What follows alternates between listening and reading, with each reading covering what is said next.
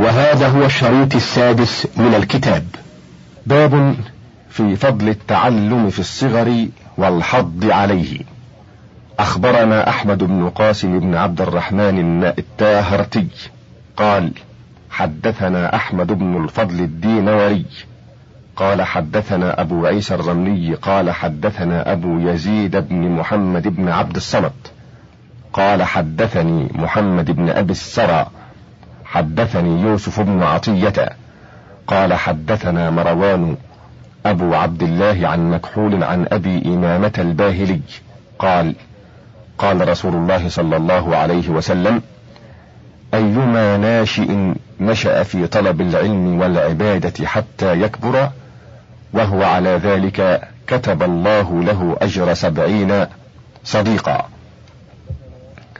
حدثنا خلف بن القاسم قال حدثنا سعيد بن أحمد بن جعفر الفهري بمصر قال حدثنا عبد الله بن محمد بن سعيد بن أبي مريم قال أخبرنا عمرو بن أبي سلمة قال حدثنا صدقة بن عبد الله عن طلحة بن زيد عن محمد بن عجلان عن سعيد بن أبي سعيد عن أبي هريرة أن رسول الله صلى الله عليه وسلم قال من تعلم العلم وهو شاب كان كوشم في حجر.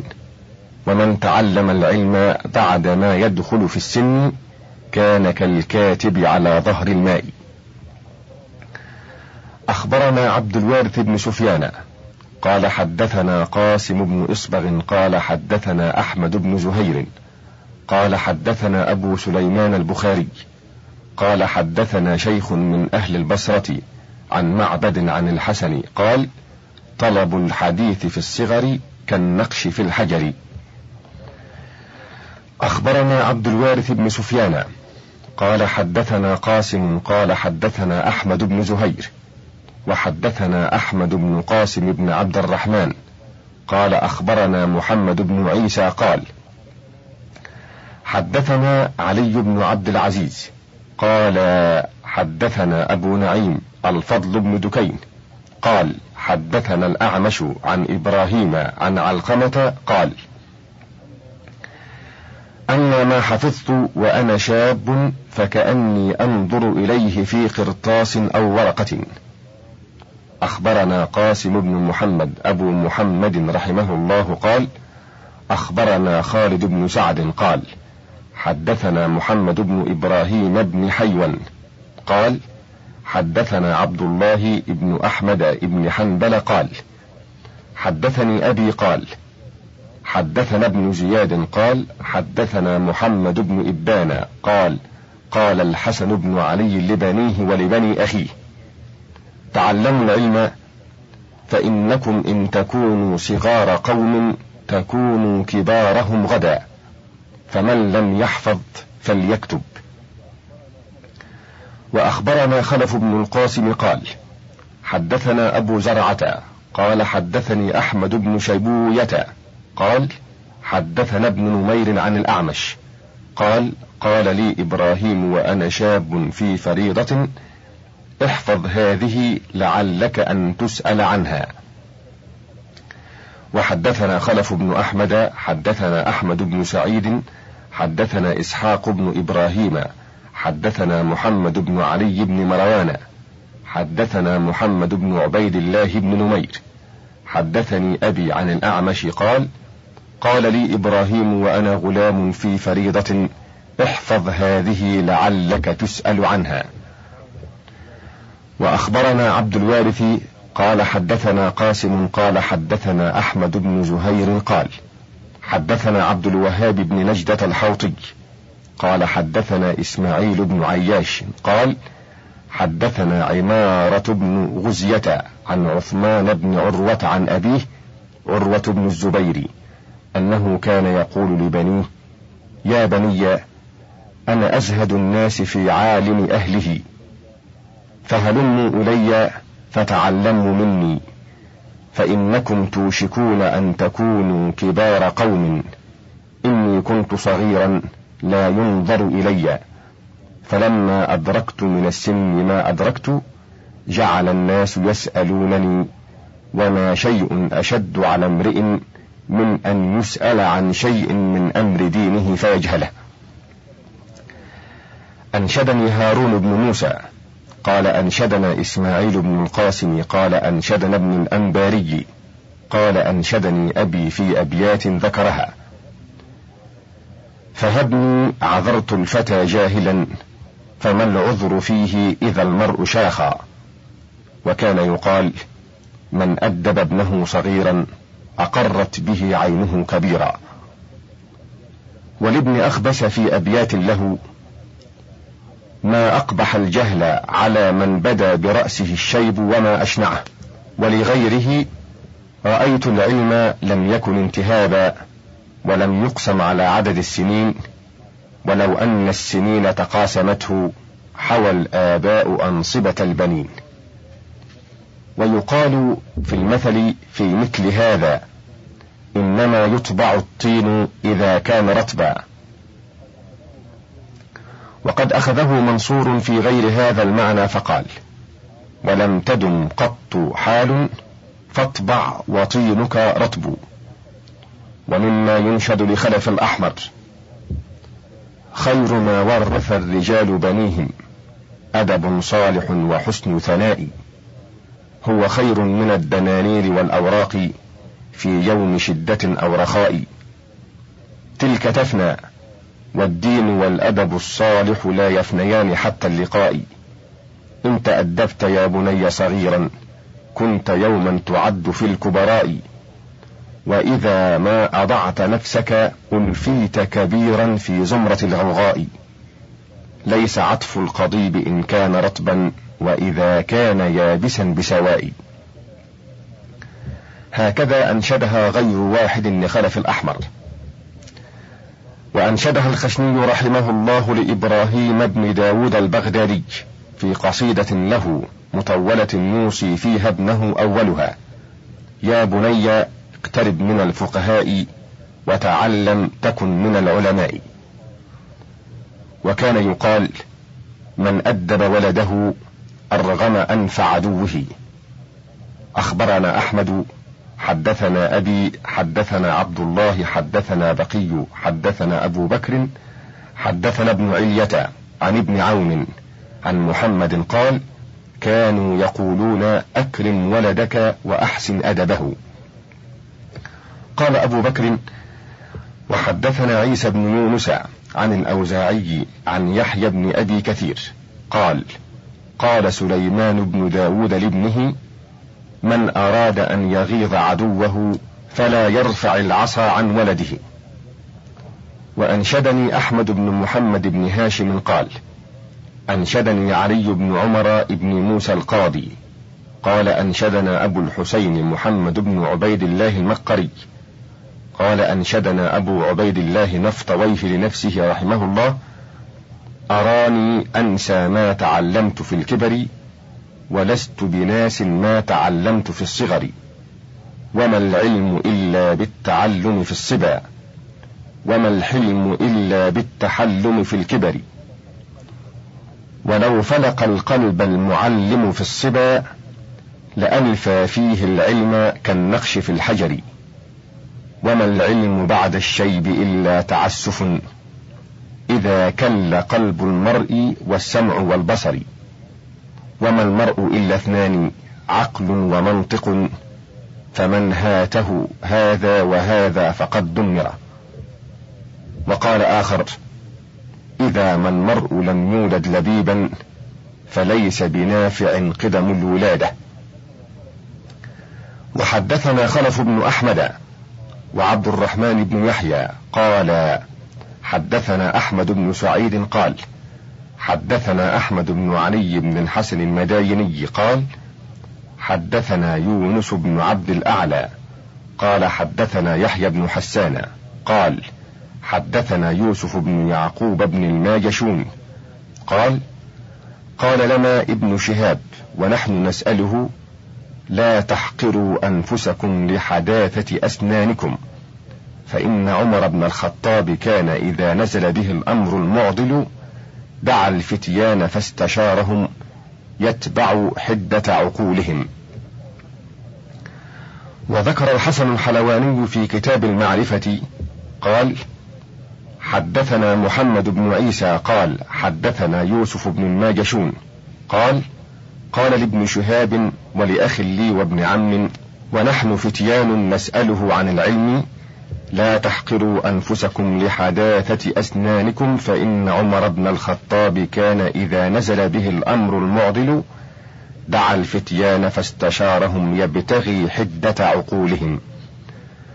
وقال الحلواني وحدثنا يزيد بن هارون قال حدثنا جرير بن حازم قال سمعت يعلى بن حكيم يحدث عن عكرمة عن ابن عباس قال لما قبض رسول الله صلى الله عليه وسلم وأنا شاب قلت لشاب من الأنصار يا فلان هلم فلنسأل أصحاب رسول الله صلى الله عليه وسلم ولنتعلم منهم فإنهم كثير. قال العجب لك يا ابن عباس أترى الناس يحتاجون إليك وفي الأرض من ترى من أصحاب رسول الله صلى الله عليه وسلم؟ قال فتركت ذلك وأقبلت على المسألة وتتبع أصحاب رسول الله صلى الله عليه وسلم فإني كنت لآتي الرجل في الحديث يبلغني أنه سمعه من رسول الله صلى الله عليه وسلم فأجده قائلا فأتوسد ردائي على بابه تسفي الريح على وجهي حتى يخرج فإذا خرج قال يا ابن عم رسول الله صلى الله عليه وسلم ما لك؟ فأقول بلغني حديث عنك أنك تحدثه عن رسول الله صلى الله عليه وسلم فأحببت أن أسمعه منك. قال فيقول فهلا بعثت إلي حتى آتيك؟ فأقول أنا أحق أن آتيك. فكان الرجل بعد ذلك يراني وقد ذهب أصحاب رسول الله صلى الله عليه وسلم واحتاج الناس إليه فيقول كنت أعقل مني. وأخبرني أحمد بن محمد قال حدثنا محمد بن عيسى. قال حدثنا علي بن عبد العزيز. قال أخبرنا أبو عتيد قال حدثنا ابن علية ومعاذ عن ابن عون عن ابن سيرين عن الأحنف بن قيس عن عمر رضي الله عنه قال تفقهوا قبل أن تسودوا وحدثنا أحمد بن عبد الله بن محمد حدثنا أبي حدثنا عبد الله بن يونس حدثنا بقي حدثنا أبو بكر بن أبي شيبة حدثنا وكيع عن ابن عون عن ابن سيرين قال قال عمر تفقهوا قبل أن تسودوا. قرأت على عبد الوارث أن قاسما حدثهم قال حدثنا محمد بن عبد الله بن العاري قال أخبرني عبد الله بن شبيب عن إبراهيم بن المنذر الحزامي. قال أخبرني عبد الملك ابن عبد العزيز بن أبي سلمة الماجشون. قال أتيت المنذر بن عبد الله الحزامي وأنا حديث السن فلما تحدثت اهتز إلي على غيري لما رأى في بعض الفصاحة فقال لي من أنت؟ فقلت له عبد الملك بن عبد العزيز بن أبي سلمة فقال اطلب العلم فإن معك حذاءك وسقاءك. وذكر ابن وهب عن موسى ابن علي عن أبيه أن لقمان الحكيم قال لابنه يا بني ابتغ العلم صغيرا فإن ابتغاء العلم يشق على الكبير. قال أبو عمر أنشدني غير واحد لصالح بن عبد القدوس في شعر له. وإن من أدبته في الصبا كالعود يسقي الماء في غرسه حتى تراه مونقا ناضرا بعد الذي أبصرت من يبسه. والشيخ لا يترك أخلاقه حتى يوارى في ثرى رمسه إذا الرعوى عاد إلى جهله كذي الضنا عاد إلى نكسه. أخبرني عبد الوارث قال حدثنا قاسم بن أسبغ قال حدثنا ابن الغازي قال حدثنا عبد الله بن شبيب قال قال إبراهيم بن المنذر الحزامي ما رأيت شابا قط لا يطلب العلم ولا سيما إذا كانت له حدة إلا رحمته. أخبرنا عبد الوارث قال حدثنا قاسم قال حدثنا أحمد بن زهير قال حدثنا الوليد بن سجاع قال أخبرني بقية بن الوليد قال حدثني محمد بن سماعة قال حدثني أبو عثمان القرشي عن مكحول قال قال رسول الله صلى الله عليه وسلم لا يستحي الشيخ أن يتعلم من الشاب. حدثنا أحمد بن عمر قال حدثنا عبد الله بن محمد بن علي قال حدثنا محمد بن فتيس قال حدثنا مالك بن يوسف قال حدثنا يحيى بن عبد الله بن بكير قال حدثنا الفضيل بن عياض عن الأعمش قال قال عبد الله بن مسعود يا أيها الناس تعلموا العلم فإن أحدكم لا يدري متى يخيل إليه. وذكر عبد الرزاق عن الثوري عن الأعمش عن أبي وائل عن ابن مسعود سواء. وذكر عبد الرزاق عن أيوب عن أبي قلابة عن ابن مسعود قال عليكم بالعلم فإن أحدكم لا يدري متى يفتقر إليه أو إلى ما عنده.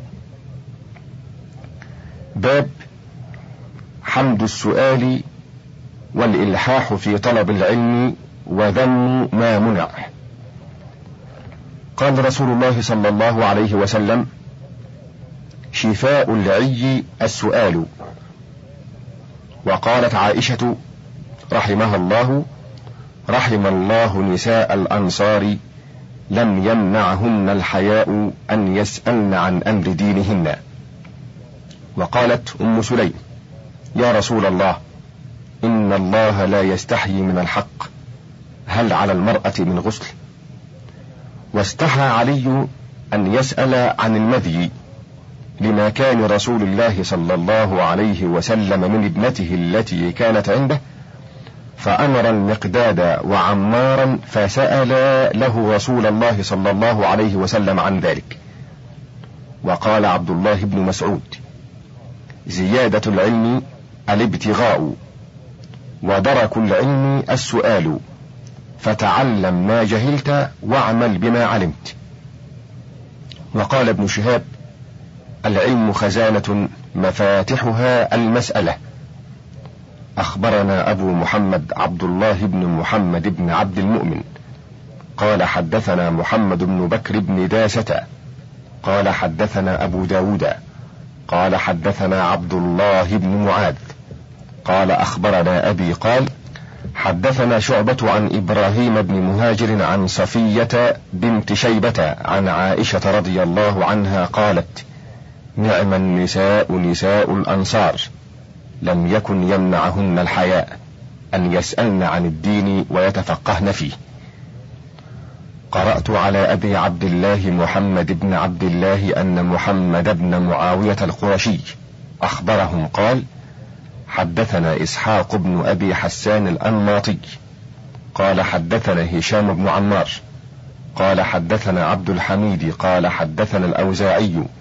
قال حدثنا عطاء بن أبي رباح قال سمعت ابن عباس يخبر أن رجلا أصابه جرح على عهد رسول الله صلى الله عليه وسلم ثم أصابه الاحتلام فأمر بالاغتسال فقر فمات فبلغ ذلك رسول الله صلى الله عليه وسلم فقال قتلوه قتلهم الله ألم يكن شفاء العي؟ السؤال هكذا رواه عبد الحميد بن أبي العشرين عن الأوزاعي عن عطاء عن ابن عباس ورواه عبد الرزاق عن الأوزاعي عن رجل عن عطاء عن ابن عباس مثله سواء وعبد الرزاق أثبت من عبد الحميد وزاد عبد الرزاق قال قال عطاء وبلغني أن النبي صلى الله عليه وسلم قال لو اغتسل وترك موضع الجراح وأنشدت لبعض المتقدمين إذا كنت في بلد جاهلا وللعلم ملتمسا فاسألي فإن السؤال شفاء العمى كما قيل في المثل الأول. وقال الفرزدق ألا خبروني أيها الناس إنما سألت ومن يسأل عن العلم يعلم. سؤال امرئ لم يعقل العلم صدره وما السائل الواعي الأحاديث كالعمي. وقال أمية بن الصلت لا يذهبن بك التفريط منتظرا طول الآنات ولا يطمح بك العجل فقد يزيد السؤال المرء تجربة ويستريح إلى الأخبار من يسل وليس ذو العلم بالتقوى كجاهيها ولا البصير كأعمى ما له بصر فاستخبر الناس عما أنت جاهله إذا عميت فقد يجلو العمى الخبر. أخبرنا عبد الوارث بن سفيان. قال حدثنا قاسم بن إسبغ قال حدثنا أحمد بن زهير. قال حدثنا موسى بن إسماعيل. قال حدثنا أبو هلال عن قتادة عن عبد الله بن بريدة أن معاوية بن أبي سفيان دعا دعبلا النسابة فسأله عن العربية وسأله عن أنساب الناس. وسأله عن النجوم فإذا رجل عالم فقال يا دعبل من أين حفظت هذا؟ قال حفظت هذا بقلب عقول ولسان سؤول. وذكر ابن مجاهد قال حدثني موسى بن إسحاق قال حدثنا هارون بن حاتم قال حدثنا عبد الرحمن عن عيسى الهمداني عن المسيب بن عبد خير عن أبيه قال قال عمر من علم فليعلم ومن لم يعلم فليسأل العلماء إلا أن القرآن نزل من سبعة أبواب على سبعة أحرف. وذكر الحلواني قال حدثنا عبد الله بن صالح قال حدثني الليث عن ابن شهاب قال العلم خزائن ومفاتيحها السؤال. حدثنا عبد الرحمن قال حدثنا علي قال حدثنا أحمد قال حدثنا سحنون قال حدثنا ابن وهب عن يونس بن يزيد عن ابن شهاب قال إن هذا العلم خزائن تفتحها المسألة. وأخبرنا عبد الوارث قال حدثنا قاسم قال حدثنا أحمد بن زهير قال حدثنا عمرو بن عثمان بن عمرو بن موسى قال حدثني أبي عن يونس بن يزيد الأيلي عن ابن شهاب قال إن هذا العلم خزائن تفتحها المسألة. وأخبرنا عبد الله بن محمد قال حدثنا إسماعيل بن محمد الصفار ببغداد قال حدثنا إسماعيل بن إسحاق القاضي قال حدثنا نصر بن علي الجهضمي قال كان الخليل يقول العلوم أقفال والسؤالات مفاتيحها. قال أبو عمر كان الأصمعي ينشد شفى العمى طول السؤال وإنما تمام العمى طول السكوت على الجهل. وقال سابق والعلم يشفي إذا اشتفى الجهول به وبالدواء قديما يحسم الداء. وقال آخر إذا كنت لا تدري ولم تك بالذي يسائل من يدري فكيف إذا تدري؟ وأخبرني عبد الوارث ابن سفيان قال حدثنا قاسم بن إصبغ قال حدثنا داود بن أيوب ابن أبي حجر قال قدمت على ابن المبارك وعنده أهل الحديث فاستحى يسأل وجعل أهل الحديث يسألونه قال فنظر ابن المبارك إليه فكتب بطاقة وألقاها إليه فإذا فيها إن تلبست عن سؤالك عبد الله ترجع غدا بخفي حنين فأعنت الشيخ بالسؤال تجده سلسا يلتقيك بالراحتين. وإذا لم تصح صياح الثكالى قمت عنه وأنت صفر اليدين. وأنشد ابن الأعرابي وسل الفقيه تكن فقيها مثله من يسعى في علم بفقه ينهري وتدبر الذي تعنى به لا خير في علم بغير تدبر. وروينا عن وهب بن منبه وسليمان بن يسار أنهما قالا حسن المسألة نصف العلم والرفق نصف العيش. وسئل الأصمعي بما نلت؟ ما نلت؟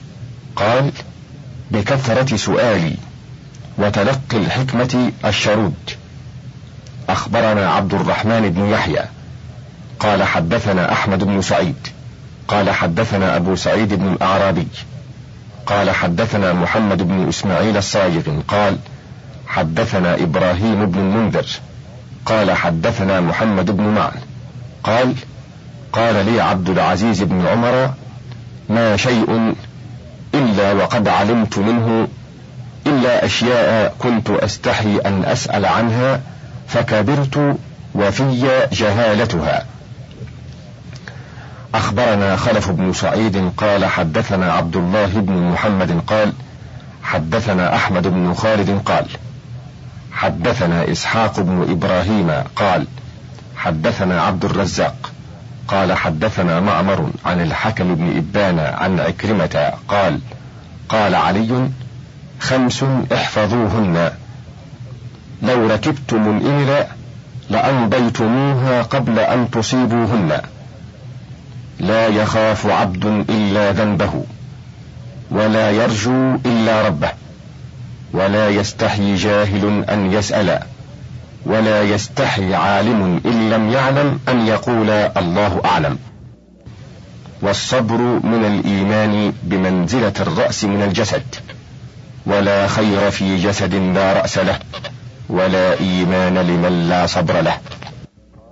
وحدثنا أحمد بن إبراهيم قال حدثنا أحمد بن مطرف قال حدثنا سعيد بن عثمان قال حدثنا يونس قال حدثنا ابن إسماعيل عن الشعبي قال قال علي بن أبي طالب خذوا عني هؤلاء الكلمات فلو رحلتم فيهن المطية حتى أمضيتموهن لم تبلغوهن. لا يرجو عبد إلا ربه ولا يخاف إلا ذنبه ولا يستحي إذا كان لا يعلم أن يتعلم ولا يستحي إذا سئل عما لا يعلم أن يقول لا أعلم وذكر تمام الخبر مثله. وقال علي رضي الله عنه قرنت الهيبة بالخيبة والحياء بالحرمان. وقال الحسن من استتر عن طلب العلم بالحياء لبس للجهل سرباله فاقطعوا سرابيل الجهل عنكم بدفع الحياء في العلم. فإنه من رق وجهه رق علمه. وقال الخليل بن أحمد الجهل منزلة بين الحياء والأنفة. وكان يقال من رق وجهه عن السؤال رق علمه عند الرجال. ومن ظن أن للعلم غاية فقد بخسه حقه. حدثنا أحمد بن فتح قال حدثنا أبو أحمد بن المعصر الدمشقي بمصر قال حدثنا محمد بن يزيد ابن عبد الصمد. قال حدثنا موسى بن أيوب. قال حدثنا بقية عن هشام بن عبد الله عن عبد الله بن أبي كثير عن أبيه. قال ميراث العلم خير من ميراث الذهب والفضة والنفس الصالحة خير من اللؤلؤ ولا يستطاع العلم براحة الجسم. رواه مسدد ويحيى بن يحيى قال حدثنا عبد الله بن يحيى بن أبي كثير. قال سمعت أبي يقول لا ينال العلم براحة البدن. حدثنا عبد الرحمن بن يحيى. حدثنا أحمد بن سعيد. قال حدثنا إسحاق بن إبراهيم بن النعمان. حدثنا محمد بن علي بن مروان. حدثنا مسدد قال حدثنا عبد الله بن يحيى ابن أبي كثير عن أبيه قال لا يستطاع العلم براحة الجسم. وقد روي مثل هذا القول عن زيد بن علي بن حسين أنه قال لا يستطاع العلم براحة الجسم. قال أبو عمر ذهب هذا القول مثلا عند العلماء وقد نظمته ونظمت قول الأصمعي يعد من العلماء وليس منهم المعدد ما عنده وهو الذي إذا سئل عن الشيء قال هو عندي في الطاق أو في الصندوق مع معنى قول الحسن والخليل في الحياء على ما ذكرناه في هذا الباب عنهما في أبيات قلتها وهي يا من يرى جمع المال والكتب خدعت والله ليس الجد كاللعب. العلم ويحك ما في الصدر تجمعه حفظا وفهما وإتقانا فداك أبي. قال الحكيم مقالا ليس يدفعه ذو العقل من كان من عجم ومن عرب. ما إن ينال الفتى علما ولا أدبا براحة النفس واللذات والطرب. نعم ولا باكتساب المال تجمعه شتان بين اكتساب العلم والذهب. أليس في الأنبياء الرسل أسوتنا عليهم صلوات الرب ذي الحجب؟ حازوا العلوم وعنهم جملة ورثت وعاش أكثرهم جهدا بلا نشب. إن الحياء لخير كله أبدا ما لم يحل بين نفس المرء والطلب. وكل ما حال دون الخير لم يك فيما بين ذاك وبين الخير من نسب. باب ذكر الرحلة في طلب العلم. قد تقدم في كتابنا من حديث صفوان بن عسال وحديث أبي الدرداء مما يدخل في هذا الباب ما يغني عن إعادته ها هنا. حدثنا عبد الوارث بن سفيان قال حدثنا قاسم بن إسبغ قال حدثنا أحمد بن زهير قال حدثنا موسى بن إسماعيل قال حدثنا عبد الواحد بن زياد.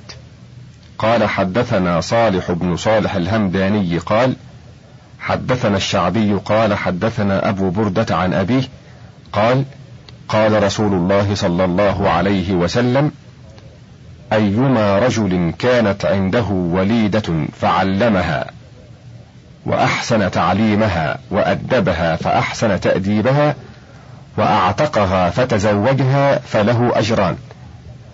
وأيما رجل من أهل الكتاب آمن بنبيه وآمن بي فله أجران. وأيما مملوك أدى حق مواليه وأدى حق ربه فله أجران. خذها بغير شيء قد كان الرجل يرحل فيما دونها إلى المدينة. وحدثنا عبد الوارث حدثنا قاسم حدثنا أحمد بن زهير حدثنا محمد بن سعيد أخبرنا شريك عن صالح بن حيان عن عامر قال حدثني أبو بردة عن أبيه عن النبي صلى الله عليه وسلم مثله. قال وقال عامر أخذتها مني بلا شيء وقد كان الرجل يرحل فيما دونها إلى المدينة. أخبرنا أحمد بن قاسم قال أخبرنا قاسم بن إصبغ قال أخبرنا الحارث بن أبي أسامة.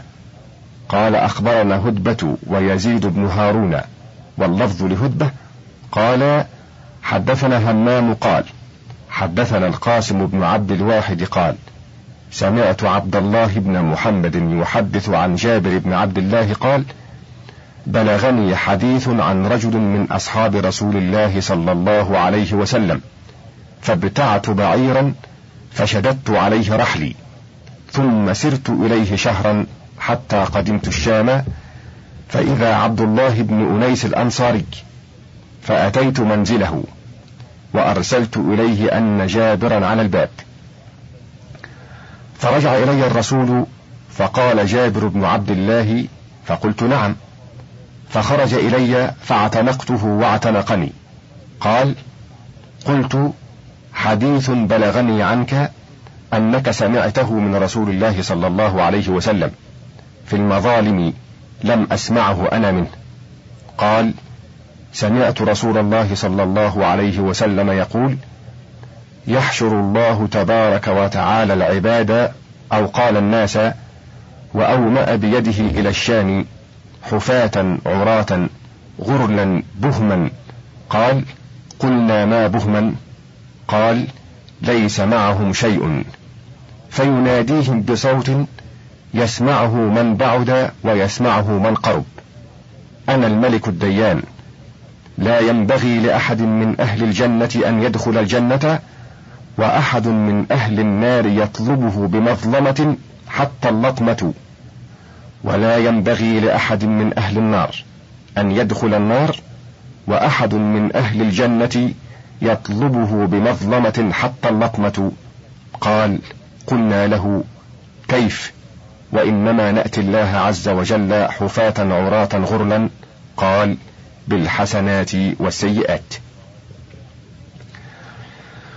وحدثنا عبد الله بن محمد بن أسد قال حدثنا إسماعيل بن محمد بن محفوظ الدمشقي قال حدثنا أحمد بن علي بن سعيد القاضي قال حدثنا شعمان بن فروخ قال حدثني همام بن يحيى عن القاسم بن عبد الواحد قال حدثني عبد الله بن محمد بن عقيل أن جابر بن عبد الله حدثه قال بلغني فذكره وروى سفيان بن عيينة عن ابن جريح قال سمعت شيخا من أهل المدينة قال سفيان هو أبو سعيد الأعمى يحدث أن أبا أيوب رحل إلى عقبة بن عامر فلما قدم مصر أخبروا عقبة فخرج إليه.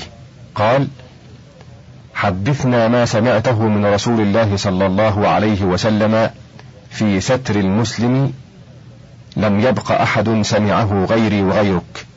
قال سمعت رسول الله صلى الله عليه وسلم يقول من ستر مسلما على خزية ستره الله يوم القيامة. فأتى أبو أيوب راحلته فركبها. وانصرف إلى المدينة وما حل رحله. وذكر الحلواني قال حدثنا زيد بن الحباب قال حدثنا أبو لهيعة عن عقيل عن ابن شهاب أن ابن عباس قال كان يبلغنا الحديث عن رجل من أصحاب النبي صلى الله عليه وسلم فلو أشأ أن أرسل إليه حتى يجيئني فيحدثني فعلت. ولكني كنت أذهب إليه فأقيل على بابه حتى يخرج إلي فيحدثني. حدثني عباس قال حدثني ابن أبي مريم قال حدثنا خالد بن نزار قال حدثنا مالك بن أنس عن يحيى بن سعيد قال قال سعيد أن كنت لأسير الليالي والأيام في طلب الحديث الواحد. قال أبو عمر روينا هذا الخبر من طرق عن مالك من رواية ابن وهب وعبد الرحمن بن مهدي عن مالك أن سعيد بن المسيب قال أن كنت لأسير الليالي والأيام في طلب الحديث الواحد. ووصله خالد بن نزار عن مالك عن يحيى بن سعيد عن سعيد بن المسيب. وخالد بن نزار مصري ثقة.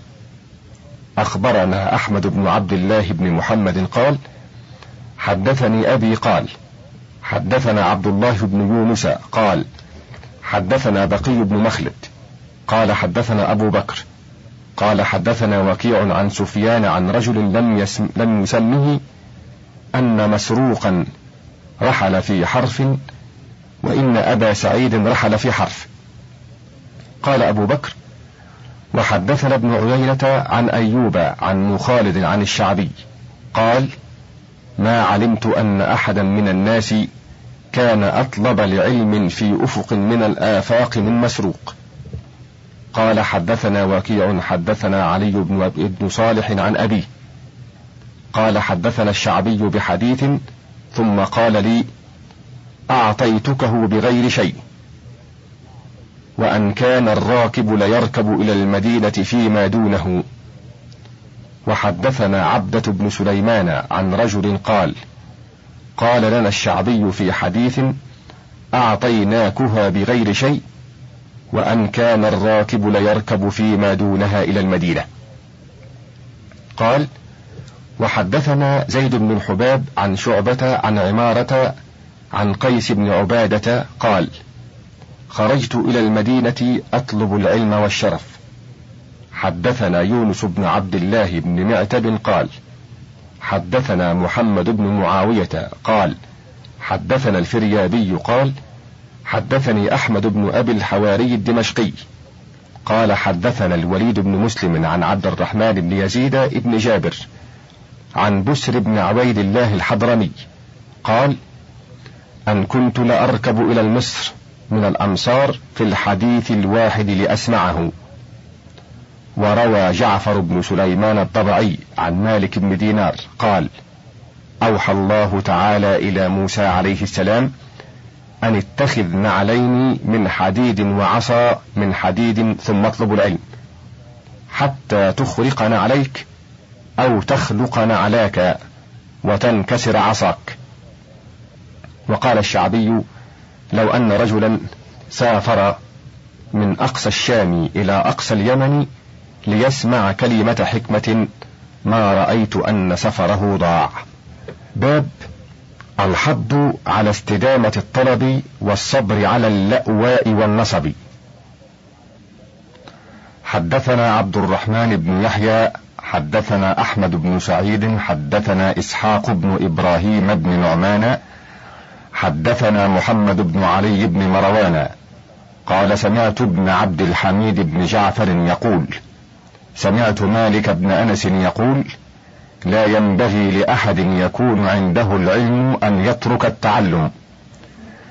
وأخبرنا يعيش بن سعيد الوراق قال حدثنا قاسم بن إصبغ قال حدثنا إبراهيم بن عبد الله الكسي قال حدثنا الميمون بن عيسى أبو سعيد البصري قال حدثنا القاسم بن يحيى. عن أبي الزبير عن جابر قال قال رسول الله صلى الله عليه وسلم إن من معادن التقوى تعلمك إلى ما قد علمت علم ما لم تعلم والنقص فيما علمت قلة الزيادة فيه. حدثنا أحمد بن عبد الله بن محمد قال أخبرني أبي قال حدثنا عبد الله بن يونس قال حدثنا بقي قال أخبرنا أبو بكر بن أبي شيبة. قال حدثنا ابن إدريس عن ليث عن طاووس عن ابن عباس قال منهومان لا تنقضي نهمتهما طالب علم وطالب دنيا. وروي مرفوعا من حديث أنس وغيره. حدثنا أبو محمد عبد الله بن محمد بن عبد المؤمن قال حدثنا عثمان بن السماك ببغداد. قال حدثنا جعفر بن هاشم البزار. قال حدثنا عباس بن بكار. قال حدثنا محمد بن الجعد القرشي عن الزهري وعلي بن زيد الجدعاني عن سعيد بن المسيب عن عبد الله بن عباس قال قال رسول الله صلى الله عليه وسلم من جاءه أجله وهو يطلب علما ليحيي به الإسلام لم تفضله النبيون إلا بدرجة. وأخبرنا خلف بن القاسم قال حدثنا محمد بن أحمد بن عامر بعسقلان. قال حدثنا خالد بن النضر. قال حدثنا موسى بن العباس. قال حدثنا حجاج بن نصير.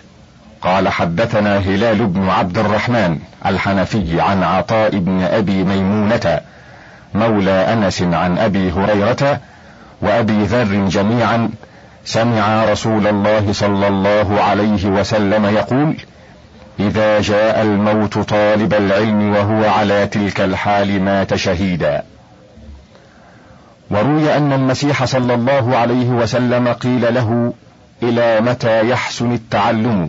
قال ما حسنت الحياة. أخبرني سعيد بن نصر قال حدثنا قاسم بن إصبغ قال حدثنا محمد بن إسماعيل الترمذي قال حدثنا نعيم بن حماد قال قيل لابن المبارك إلى متى تطلب العلم؟ قال حتى الممات إن شاء الله. وقيل له مرة أخرى مثل ذلك فقال لعل الكلمة التي تنفعني لم أكتبها بعد ذلك.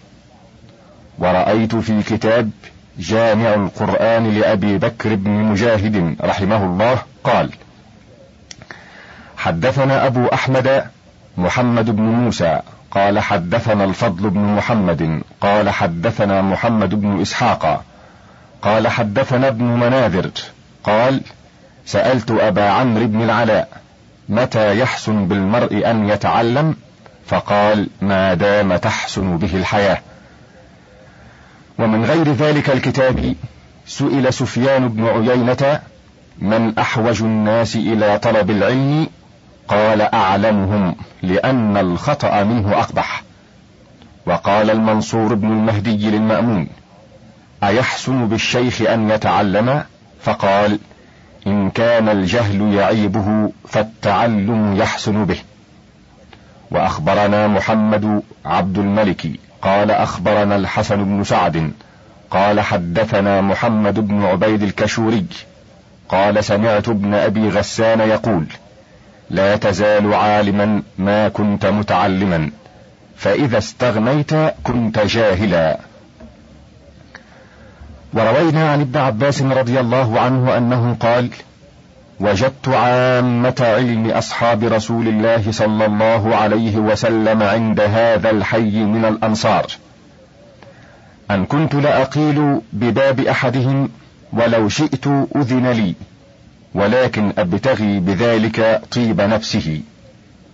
وأخبرنا عبد الرحمن بن يحيى قال حدثنا علي بن محمد قال حدثنا أحمد بن داود قال حدثنا ابن وهب قال أخبرنا مالك عن ابن شهاب عن الأعرج عن أبي هريرة قال إن الناس يقولون أكثر أبو هريرة ولولا آيتان في كتاب الله ما حدثت حديثا ثم تلا إن الذين يكتمون ما أنزل الله من الكتاب وإن الذين يكتمون ما أنزلنا من البينات والهدى وإن إخواننا المهاجرين كان يشغلهم الصفق بالأسواق وإخواننا الأنصار كان يشغلهم العمل في أموالهم وإن أبا هريرة كان يلزم رسول الله صلى الله عليه وسلم ليشبع بطنه ويحضر ما لا يحضرون. قال أبو عمر في هذا الحديث من الفقه معان منها أن الحديث عن رسول الله صلى الله عليه وسلم حكمه حكم كتاب الله المنزل ومنها إظهار العلم ونشره وتعليمه ومنها ملازمة العلماء والرضا باليسير للرغبة ومنها الإيثار للعلم على الاشتغال بالدنيا وبكسبها. وروى ابن أبي الزناد عن أبيه قال رأيت عمر بن عبد العزيز يأتي عبيد الله بن عبد الله يسأله عن علم ابن عباس فربما أذن له وربما حجبه. وأنشدني خلف بن القاسم لابن المبارك في أبيات لا أقوم بحفظها في وقت هذا. آخر العلم لذيذ طعمه وبدء الذوق منه كالصبر وأخبرنا عبد الله بن محمد قال حدثنا يحيى بن مالك وعبد الله بن محمد قال حدثنا عمر بن أبي تمام قال حدثنا محمد بن عبد الله بن عبد الحكم قال حدثنا أبو زيد بن أبي الغمر عن ابن القاسم قال كان مالك يقول إن هذا الأمر لن ينال حتى يذاق فيه طعم الفقر. وذكر ما نزل بربيعة من الفقر في طلب العلم حتى باع خشب سقف بيته في طلب العلم وحتى كان يأكل ما يلقى على مزابل المدينة من الزبيب وعصارة التمر. وحدثنا عبد الوارث بن سفيان قال حدثنا قاسم قال حدثنا أحمد بن زهير قال حدثنا أبو مسلم عبد الرحمن بن يونس قال حدثنا سفيان بن عيينة قال سمعت شعبة يقول من طلب الحديث أفلس. وروي عن شعبة أيضا أنه قال ليبلغ الشاهد منكم الغائب من ألح في طلب العلم أو قال في طلب الحديث أورثه الفقر. وأخبرنا أبو العباس أحمد بن محمد الكرجي القاضي إجازة لنا بخطه وأخبرنا بذلك عنه بعض أصحابنا. قال حدثنا أبو الحسن علي بن أحمد بن محمد بن أبي غسان. قال حدثنا أبو يحيى زكريا بن يحيى الساجي. قال حدثنا أحمد بن مدرك. قال سمعت حرملة يقول سمعت الشافعي يقول لا يطلب هذا العلم أحد بالمال وعز النفس فيفلح ولكن من طلبه بذلة النفس وضيق العيش وحرمة العلم أفلح. حدثني أحمد بن محمد وعبد الوارث بن سفيان. قال حدثنا قاسم بن إصبغ. قال حدثنا أبو عبيدة بن أحمد. قال حدثنا محمد بن إدريس المكي. قال سمعت الحميدي يقول قال محمد بن إدريس الشافعي كنت يتيما في حجر أمي فدفعتني في الكتاب ولم يكن عندها ما تعطي المعلم فكان المعلم قد رضي مني أن أخلفه إذا قام. فلما ختمت القرآن دخلت المسجد فكنت أجالس العلماء وكنت أسمع الحديث أو المسألة فأحفظها. ولم يكن عند أمي ما تعطيني أشتري به قراطيس فكنت إذا رأيت عظما آخذه فأكتب فيه فإذا امتلأ طرحته في جرة كانت لنا قديما. قال ثم قدم وال على اليمن فكلمه لي بعض القرشيين أن أصحبه ولم يكن عند أمي ما تعطيني أتجمل به. فرهنت رداءها بستة عشر دينارا فأعطتني فتجملت بها معه. فلما قدمنا اليمن استعملني على عمل فحمدت فيه فزادني عملا فحمدت فيه فزادني عملا. وقدم العمار مكة في رجب فأثنوا علي فطار لي بذلك ذكر. فقدمت من اليمن فلقيت ابن أبي يحيى فسلمت عليه فوبخني وقال تجالسوننا وتصنعون ما تصنعون؟ فإذا شرع لأحدكم شيء دخل فيه ونحو هذا من الكلام قال فتركته. ثم لقيت سفيان بن عيينة فسلمت عليه فرحب بي وقال قد بلغتنا ولايتك فما انتشر عنك وما أديت كل الذي لله عليك. ولا تعد. قال فكانت موعظة سفيان إياي أبلغ مما صنع بابن أبي يحيى وذكر خبرا طويلا له في دخوله العراق وملازمته محمد بن الحسن ومناظرته له تركته لأنه ليس مما قصدنا في هذا الباب. وكان الشافعي يقول سمعت من محمد بن الحسن رحمه الله من لم يحتمل ذل التعلم ساعة بقي في ذل الجهل أبدا. حدثنا خلف بن أحمد وعبد الرحمن بن يحيى حدثنا أحمد بن سعيد حدثنا إسحاق بن إبراهيم حدثنا محمد بن علي حدثنا يحيى بن معين حدثنا عبد الرحمن بن مهدي. حدثنا حماد بن زيد عن أيوب قال إنك لا تعرف خطأ معلمك حتى تجالس غيره. أخبرنا علي بن إبراهيم. قال حدثنا الحسن بن رشيق. حدثنا علي بن سعيد بن بشير. حدثنا أبو ياسر. عمار بن عمر بن المختار. قال حدثني أبي. قال حدثني غالب القطان. قال أتيت الكوفة في تجارة فنزلت قريبا من الأعمش فكنت أختلف إليه فلما كان ليلة أردت أن أنحدر إلى البصرة قام فتهجد من الليل فقرأ هذه الآية شهد الله أنه لا إله إلا هو والملائكة وأولو العلم قائما بالقسط لا إله إلا هو العزيز الحكيم إن الدين عند الله الإسلام. قال الأعمش وأنا أشهد بما شهد الله. وأستودع الله هذه الشهادة وهي لي عند الله وديعة وإن الدين عند الله الإسلام. قالها مرارا فغدوت إليه فودعته ثم قلت إني سمعتك تقرأ هذه الآية ترددها فما بلغك فيها؟ أنا عندك منذ سنة لم تحدثني به. قال والله لا, أحد لا أحدثنك به سنة. قال فأقمت وكتبت على بابه ذلك اليوم.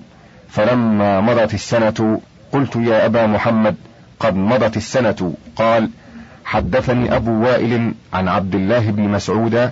قال قال رسول الله صلى الله عليه وسلم يجاء بصاحبها يوم القيامة فيقول الله تعالى عبدي عهد إلي وأنا أحق من وفى بالعهد.